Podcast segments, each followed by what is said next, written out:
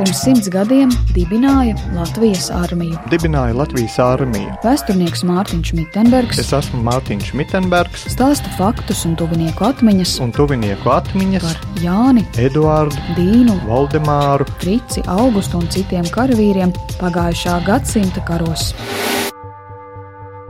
tuvinieku ziņas par Eduārdu Sebri, dzimušu Rankā 1899. gadā.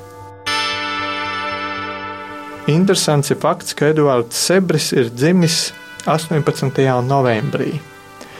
Un tieši 18. novembrī, kad jau Rīgā bija izcīnītas Bermonta kaujas, un, un, un bermontieši bija atkāpušies līdz pat lielupē jau pie Jālgavas, tad viņš arī ar savu armijas vienību Jālgavas novadā pie Valgundas bija devušies pāri lielupei un nakts aizsargā e, bija ieņēmuši kādas mājas, padzinuši bermontiešus, atņēmuši zirgus un pajūgus, un, un tas varoņdarbs bija tiešām tā cienīgs, lai 1921. gadā kā vienam no pirmajiem, tur bija aptuveni ap 300 karavīri, kas saņēma Lāčplēša kara ordeņu šo apbalvojumu, kas ir augstākais militārais apbalvojums Latvijā. Un tātad tobrīd viņam bija tikai 20 gadi, varētu teikt, savā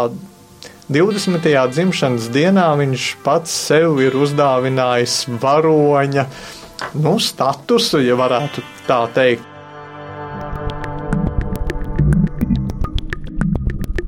Radinieku pieliktajās fotografijās mēs arī redzam, kur Eduards Sebris ir redzams Latvijas armijas formas starpā.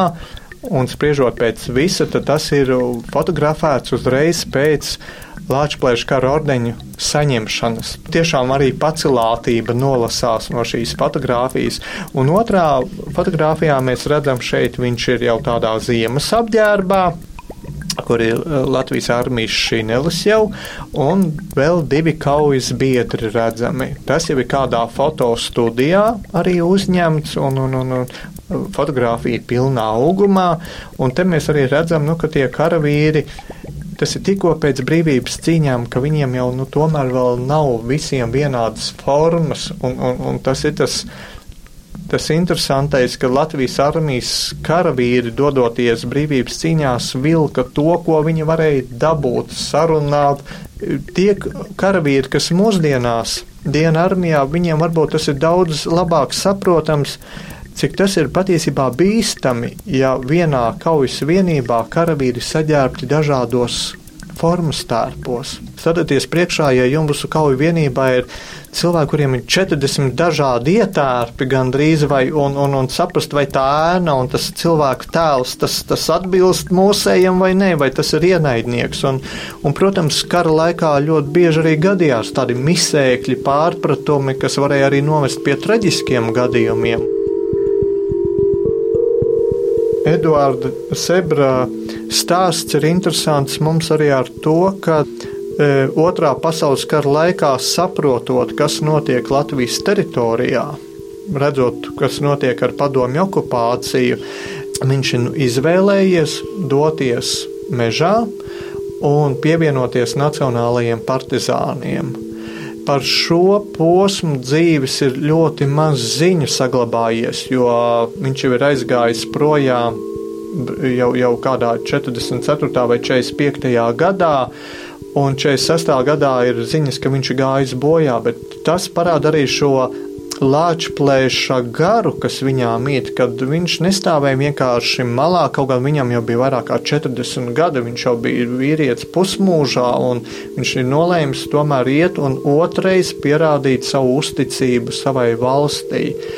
Diemžēl Edvarda Sebra ģimene tika izsūtīta, un, un, un, un varbūt ir tas arī tas traģiski, nu, ka īsti mēs nevaram zināt, varbūt par to dzīves novakaru vairāk, kas ir kādas liecības un ko viņš ir bijis un kādās vienībās varbūt un kādi bijuši tie viņa varoņu darbi un par to mums vēsture noklusē, jo, nu, diemžēl, nu, tāds ir tas liktenis.